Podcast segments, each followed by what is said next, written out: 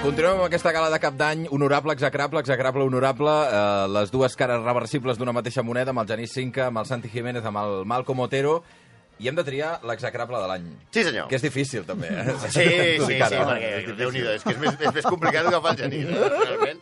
Aviam. Avui és l'últim dia de l'any, arriba el gran moment, el gran moment de triar, i tenim grans candidats als Sí. títols, perquè fidels al nostre lema de desmitificar covardament a gent que no es pot defensar, és a dir, que estiguin morts, Sí, sí. per consell dels nostres advocats. Sí, això ho vam dir, eh? Que Sí, sobretot que siguin morts. sobretot perquè que siguin morts i que no es queixin. Exacte. Hi ha molts execrables aquest any que han passat a l'altre barri, tenim molt on triar. Sense més preàmbuls, els candidats a execrable de l'any són...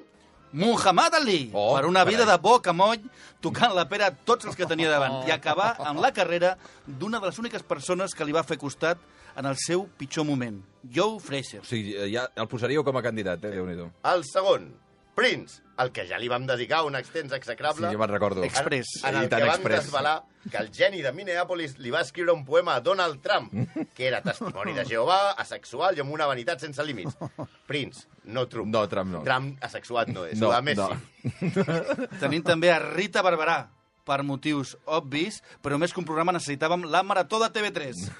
I ha marxat Rita, però encara ens queda la seva germana Hanna, Hanna que fa uns dibuixos animats molt macos. Hanna Barbera, sí, exacte. Terrible, això, eh? Així no. que el gran execrable del 2016... El gran execrable 2016, premi, primer cop i últim, probablement que ho fem, això, perquè no responc, també, eh, és... Fidel Castro! Fidel y se acabó la diversión. Te l'estàs jugant, eh? Vull dir que us l'esteu jugant perquè ja vau veure què va passar quan es va morir, eh? Encara està que calent, hi havia eh? una mala llet. Encara està Hi calent. havia una mala llet a Sí. l'ambient. Bueno, no estava molt bé, ja. No estava ja, molt bé, ja Quan va morir estava, estava ja tevi, eh?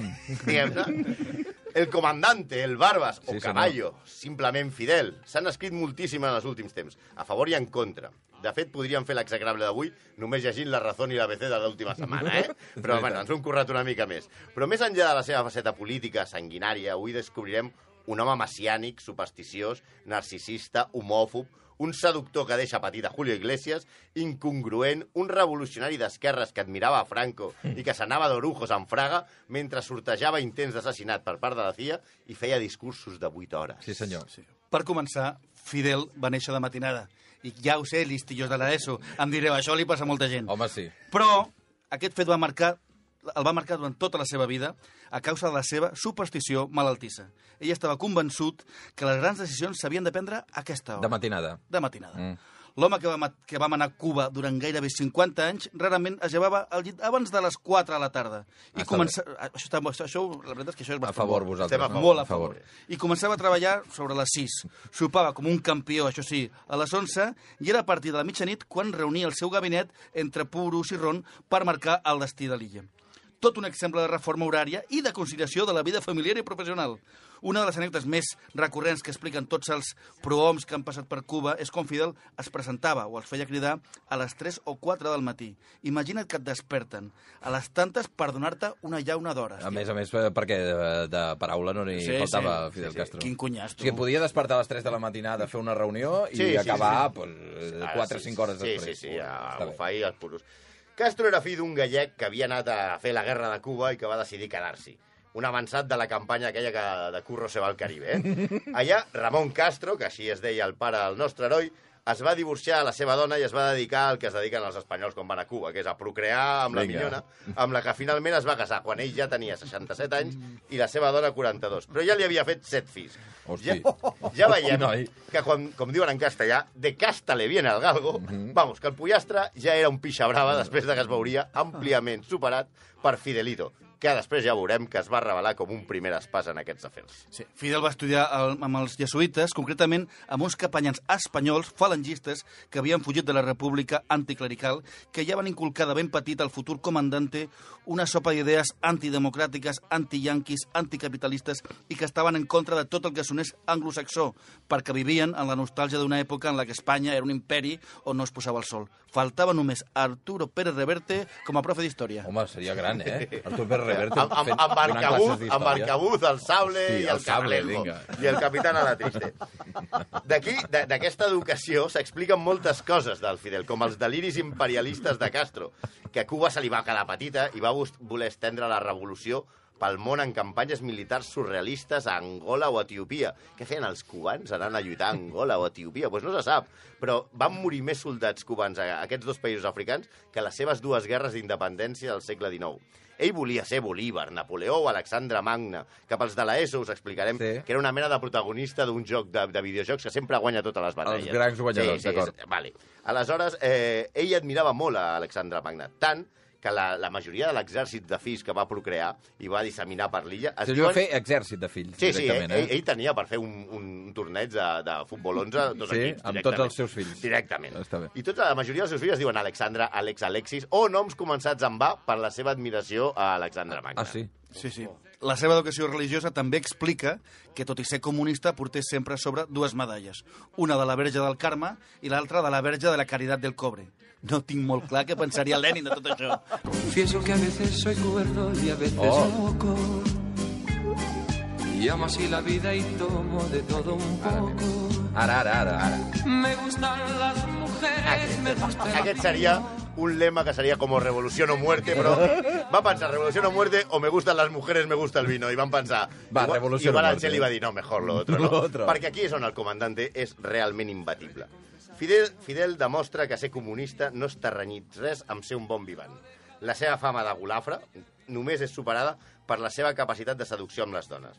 El seu amic, Gabriel García Márquez, va escriure que en un dinar Fidel es va menjar de postre 18 boles de gelat de mantecado, després d'haver-se posat fins al cap d'ostres i sopa de cap de vaca, que era el seu plat favorit. Ah, sí o no? Sí. Sopa de, de, cap, de vaca, sí. era el plat preferit Atenció, de Fidel atenció Castro. aquí, eh? Que la seva obsessió per les vaques és que té tela, eh? A veure. Perquè era, va, li agradaven tant les vaques, Així en general. en general, que va intentar de crear genèticament una raça de vaques cubanes Pro, cre pròpies de Cuba. Que siguin- creuant cebús africans amb vaques europees Oh. a un dels seus ranxos, perquè així donaven un rècord revolucionario de leche i de, i de carn. Ah, Increïble. No va funcionar. no va però, funcionar. ah, Però l'anècdota de, Igual les, per això van anar a Etiòpia i Angola, a portar els cebús. Això. però l'anècdota de les boles de gelat es queda petita al costat de la seva relació amb les dones. Un altre amic seu, Hugo, Hugo Chávez, el va definir com un atacón de mujeres. Les da 20 besos y se pone como un gallo esponjado. Que no sé què vol dir, però no sona bé. Deu ser la, la hòstia.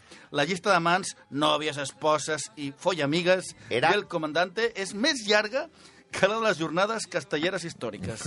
Fidel va deixar més vídues que el Titanic. O sigui, era Otoe de ties. Otoe. Era Otoe. Otoe ties.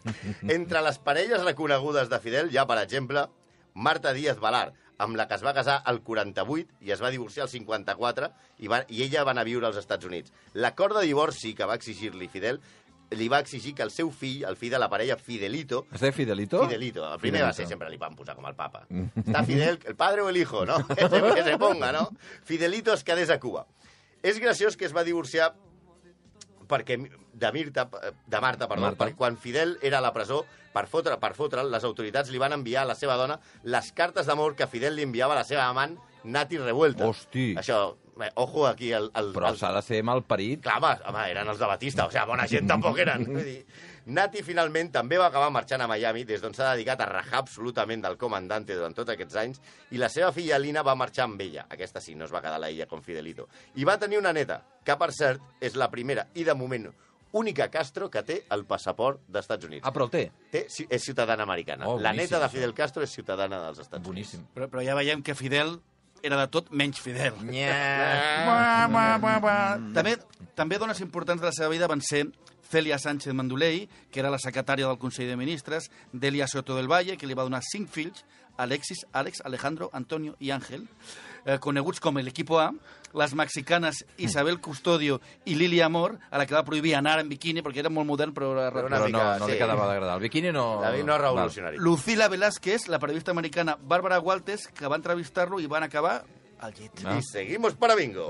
També es va liar amb les dones dels seus ministres, com per Què exemple... dius, ara? Sí, com per exemple Lupe Vélez. Digue-li que no, també et dic jo. Lupe Vélez i una miss cubana anomenada Norca. La nord-americana Jenny Isart, aquesta és molt curiós, que tenia 23 anys, la se la va lligar a la sala d'espera de l'aeroport Kennedy. Amb aquella, aquella a- breu estona... Amb una breu estona. Pim-pam. I la tia que anava cap a un altre lloc se la va portar a viure a Cuba. Mm. També es va liar amb la primera ballarina del Tropicana, Regla Becerra. Ja hem dit que estava bastant obsessionat amb el tema vaques.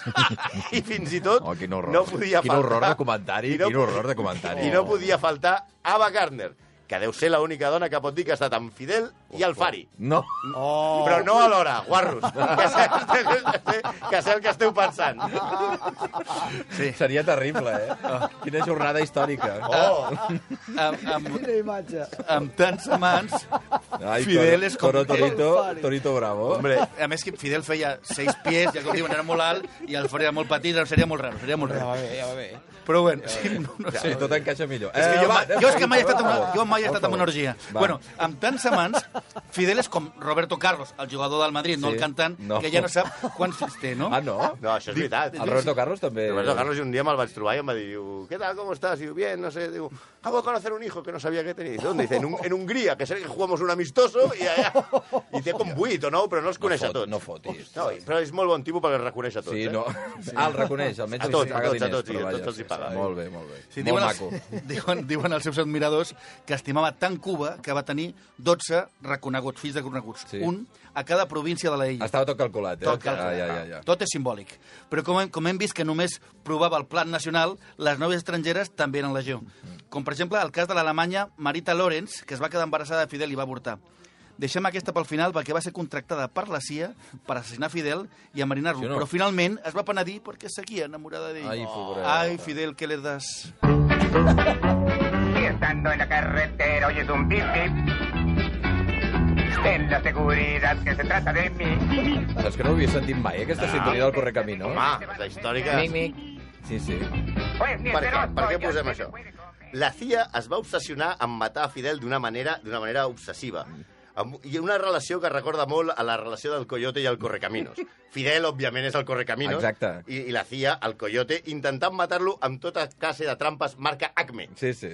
Arxius desclassificats de la CIA parlen de fins i tot 638 plans per acabar amb la vida de Fidel Castro, Otoe. que va sobreviure... Otoe Otoe atentats. Sí, sí. Que, eh, de fet, Castro va sobreviure a 11 presidents dels Estats Units. Sí, ell, sí, sí. Clar, quan ell comença està Eisenhower i acaba morint per no aguantar 15 dies a Donald Trump.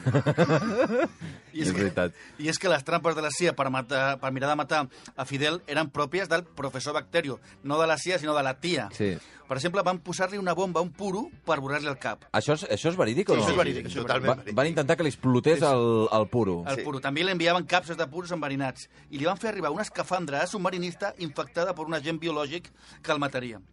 Més, la CIA pensava d'una man- que una manera d'humiliar-lo, això és una mica infantil, era, era, era fer que perdés la barba. Què vol dir van que estar investigant? Ells productes creien que, químics... que, el seu, que el seu carisma venia de la barba. Ah, I sí, aleshores la CIA va pensar que si li feien caure la barba, Sí. perdria tot el seu poder sobre el poble. I ja estaria. investigant coses perquè li caigués el cabell, perquè així no seria tan, tan Tan carismàtic. popular saps? i ja... Sí, sí. Això, això pa- pagat per diners públics als Estats Units, eh? Molt sí, bé, sí. bravo. No, li van posar sal de tali a les sabates, era, era un projecte i- que, que, que provoca la caiguda del cabell. Però és que no és, hi ha més coses. Vam, un pla de la CIA era drogar-lo amb LSD abans de fer un dels seus interminables discursos perquè se li anés l'olla en públic, perquè, perquè se li anés l'olla en públic i que la gent eh, no, no, no se'l creiés i tal. Però el millor de tots, de veritat, el millor, marca Acme, és la caracola bomba.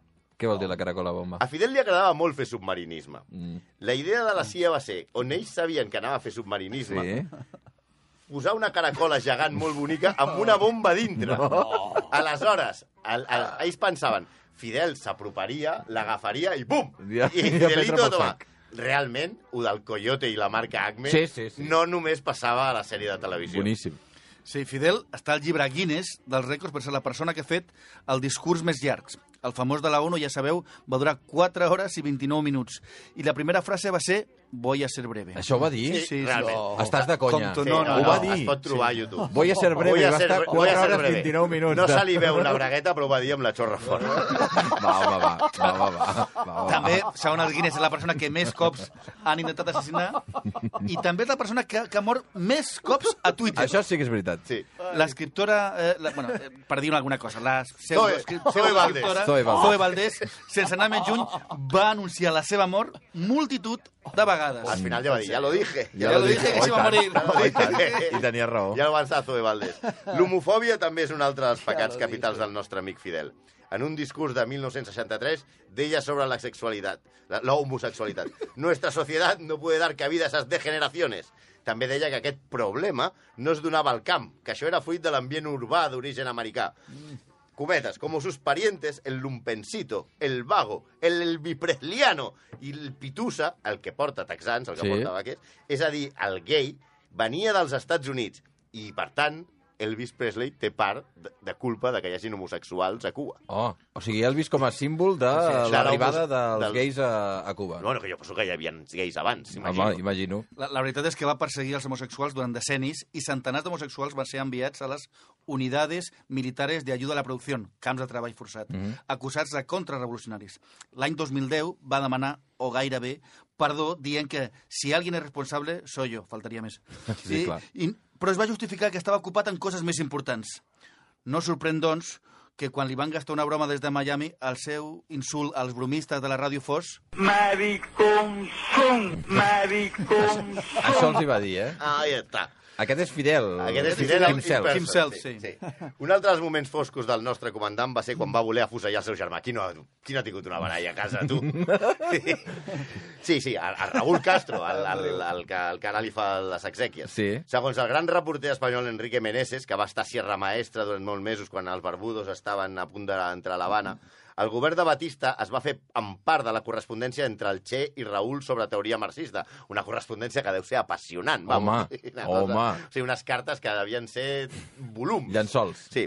Aquestes cartes van ser interceptades i usades pels mitjans de Batista per difondre que Castro volia instaurar, instaurar un règim comunista. Cal dir que Castro, quan va començar, va dir que no era comunista. Eh? Mhm. Castro es va empipar com una mona i va dir «Cuando llegue lo fusilo!» Però, finalment, Celia Sánchez ho va frenar explicant que aquesta imatge igual era dolenta per la revolució. Això sí. Sí, igual, fíjate que si fusellés el seu germà, dius, ostres... No seria molt maco. Si fusella el seu germà, què farà amb els altres? Segons el mateix eh, Meneses al seu llibre Fidel Castro, Pàtria i Muerte, Fidel, va, dir, va dir a més que odio tant l'imperialisme yanqui com el soviètic. No estic trencant les banyes lluitant contra una dictadura per caure amb una altra. Jo només afegiria, ejem. Ejem.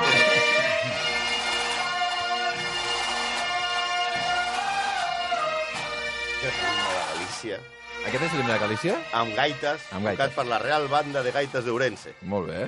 Bé, capítol a part, això ve perquè capítol a part pareix la relació de Fidel amb Espanya, amb l'Espanya franquista, volem dir. Durant molt de temps i després, ja amb democràcia, amb el franquista més insigne que quedava per aquí. Bueno, això igual no és ben bé així. Impagable Manuel Fraga, encara queden alguns que franquistes insignes, però potser no tant, no tant com Fraga. Franco i Fidel es tenien una admiració mútua. Fidel admirava com aguantava el generalíssimo, després el va superar, Sí, i Franco no va fer cas al bloqueig que va imposar als Estats Units. Nicolás Franco, nebot del caudillo, era l'enllaç entre Cuba i Espanya. Mentre els Estats Units imposaven el bloqueo, Espanya venia a la illa Seats 1500, camions Pegaso i vaixells de pesca. Fins i tot quan Fidel Castro es va donar literalment d'hòsties amb l'ambaixador espanyol Juan, Padro, Juan Pablo Logendio, que és un grande d'Espanya, aquest home. Aquest Ah, home sí? Sí, aquest, estava Fidel Castro a les dues del matí a la televisió cubana fent un debat i va començar a rajar d'Espanya. El Juan Pablo Logendio, ambaixador, va dir yo no lo puedo permitir por España, por ejemplo, una reacció molt Pérez Revertiana, Sí. i aleshores va anar fins a la televisió i ja, i ja es pot trobar a YouTube com els dos s'enganxen a bufetades. Però, hòsties. Sí, sí, sí. sí, sí Però va, literalment. Va interrompre tal, i Castro es va aixecar, i tu aquí, no sé què. Bueno, pues quan va passar això, Franco, a qui va fer-li la reprimenda, va ser l'ambaixador. Ah, clar. Sí, el, I el va posar, diguem a la nevera, el va treure de cua. Fins i tot, després, a, abans d'enemistar-se amb, el, amb el dictador comunista, que parlava malament de la dictadura d'Espanya. De, d'Espanya. Clar. de fet, quan va morir Franco, Fidel Castro va declarar a Cuba tres dies de dol nacional. Home, això no ho sabia. Sí, per, a, Déu-n'hi-do. per acabar, una promesa del mateix Fidel, literal. Cuando hayamos cumplido nuestra promesa de un buen gobierno, me afeitaré la barba. Sense paraules. Doncs el Premi Execrable de l'any 2016 se l'endú, efectivament, el, en Fidel Castro. Genís, tens alguna cosa a dir bona de, després d'aquesta Ostres, caiguda? Eh, memorable, eh? Fantàstic, Ai. m'agrada molt. Mare meva, quin retrat. Sí, sí. És, ostres, Ah. estic, estic tocat, eh? Oh, oh, i tant, i tant. I ara què fem, no? M'ha afectat molt, sí, sí, sí. Però clar, és que tu hauries de fer el paper de dir alguna cosa ara- positiva de Fidel eh, Castro. Clar, és que després d'això... Ja. Però, tot i així, n'hi ha algunes, n'hi ha veure. algunes. Home, deu haver-hi. deu La primera és haver permès que en parlem tant. O sigui, clar, Això si, si aquest personatge ha fet que una hora de ràdio sigui tan distreta és perquè justament el Fidel va aconseguir col·locar Cuba al mapa. I aquest és un fet positiu que li hem de reconèixer. I no ho tenia fàcil. No ho tenia fàcil perquè al costat tenia els Estats Units amb un odi tremend que sempre els hi va tenir, però penso que el que va fer, eh, i la segona cosa és aquesta, que no tan sols aconseguís posar Cuba en el mapa, sinó enfrontar-se directament de manera militar als Estats Units, penso que s'han de tenir s'ha de tenir cara per poder fer això. Jo, no- jo no afegiria una altra, que és superar... I, i guanyar. Bé, perquè sí, el tema de la Bahia. Cochinos... Bahia Cochinos guanya, sí, de sí. Bahia Cochinos guanya contra pronòstic, contra un Kennedy, que era un tros de personatge, Uh, un altre execrable, per cert. Sí, Ah, sí, Sí, exacte. aquest està a la llista, ja. Sí. Em permeto... Uh, No, acceptem la suggerència. Va, De fet, el, el Genís té una llista que, que d'honorables que és a la nevera. Sí. Sempre ho explica. Ell té com 500 noms de catalans i va apuntant i esborrant. Més, Vosaltres ja. la, on el poseu, els noms dels execrables? A, a la nevera... El moble va. Estan tots allà amb noms de còctels. al moble bar. Bé, aleshores, el fet d'haver-se enfrontat... L'episodi de, la, de Veia Cochinos Mm. és... Eh, ha generat moltes pel·lícules i hi ha aquella imatge famosa del botonet vermell, dels Sí, sí, senyor. russos i tal. Va aconseguir posar de genolls el món sencer a partir d'uns simples exiliats que volien retornar a l'illa. Els Estats Units aprofiten la vinentesa per envair Cuba i no se'n surten. La qual cosa, quan mires el mapa, tampoc ho entens gaire. De perquè... fet, de fet, fins i tot, en aquest argument que diu, es pot dir que eh, Fidel va envair Cuba, va, i va envair Estats Units, en va, quan va obrir- les presons. Clar, ben I, vist, i, i, va, sí. I va enviar al pitjor de la casa, va dir, os podéis ir todos a Miami, Vinga. els va crear un problemón de cuidado. Tot sí, allà. Sí, sí, sí. Totes les pel·lícules, de fet, que, que, que, on s'hi reprodueix aquest episodi històric, eh, es veu clarament com era impensable que guanyés i que, per tant, vaja, penso que és bastant admirable. Hi ha, a més a més, aquella tensió planetària de la guerra dels missils, de... vaja, el anàvem a morir tots. O sigui, això era cosa d'un botonet i, a més a més, eh, després, és la tercera cosa, es va enfadar amb els russos. O sigui, ell mateix es va enfadar els russos perquè havien pactat amb en Kennedy la no agressió quan ell precisament el que volia era guerra i volia enfrontar-s'hi. S'ha de dir que s'emprenyava amb tothom, eh? Sí, sí, és veritat, també és veritat. la, la, La frase aquesta de Maricón Son, jo me la guardo. Uh, bé, fins aquí la gala, la primera, potser última, Honorables Execrables 2016, amb el Genís Cinc, amb el Santi Jiménez, amb el Malcom Otero. Moltíssimes gràcies per aquest any. Uh, ens veiem, allò, aquella frase tan bonica l'any que ve. Eh? Ai, sí. Apa. Ja dic.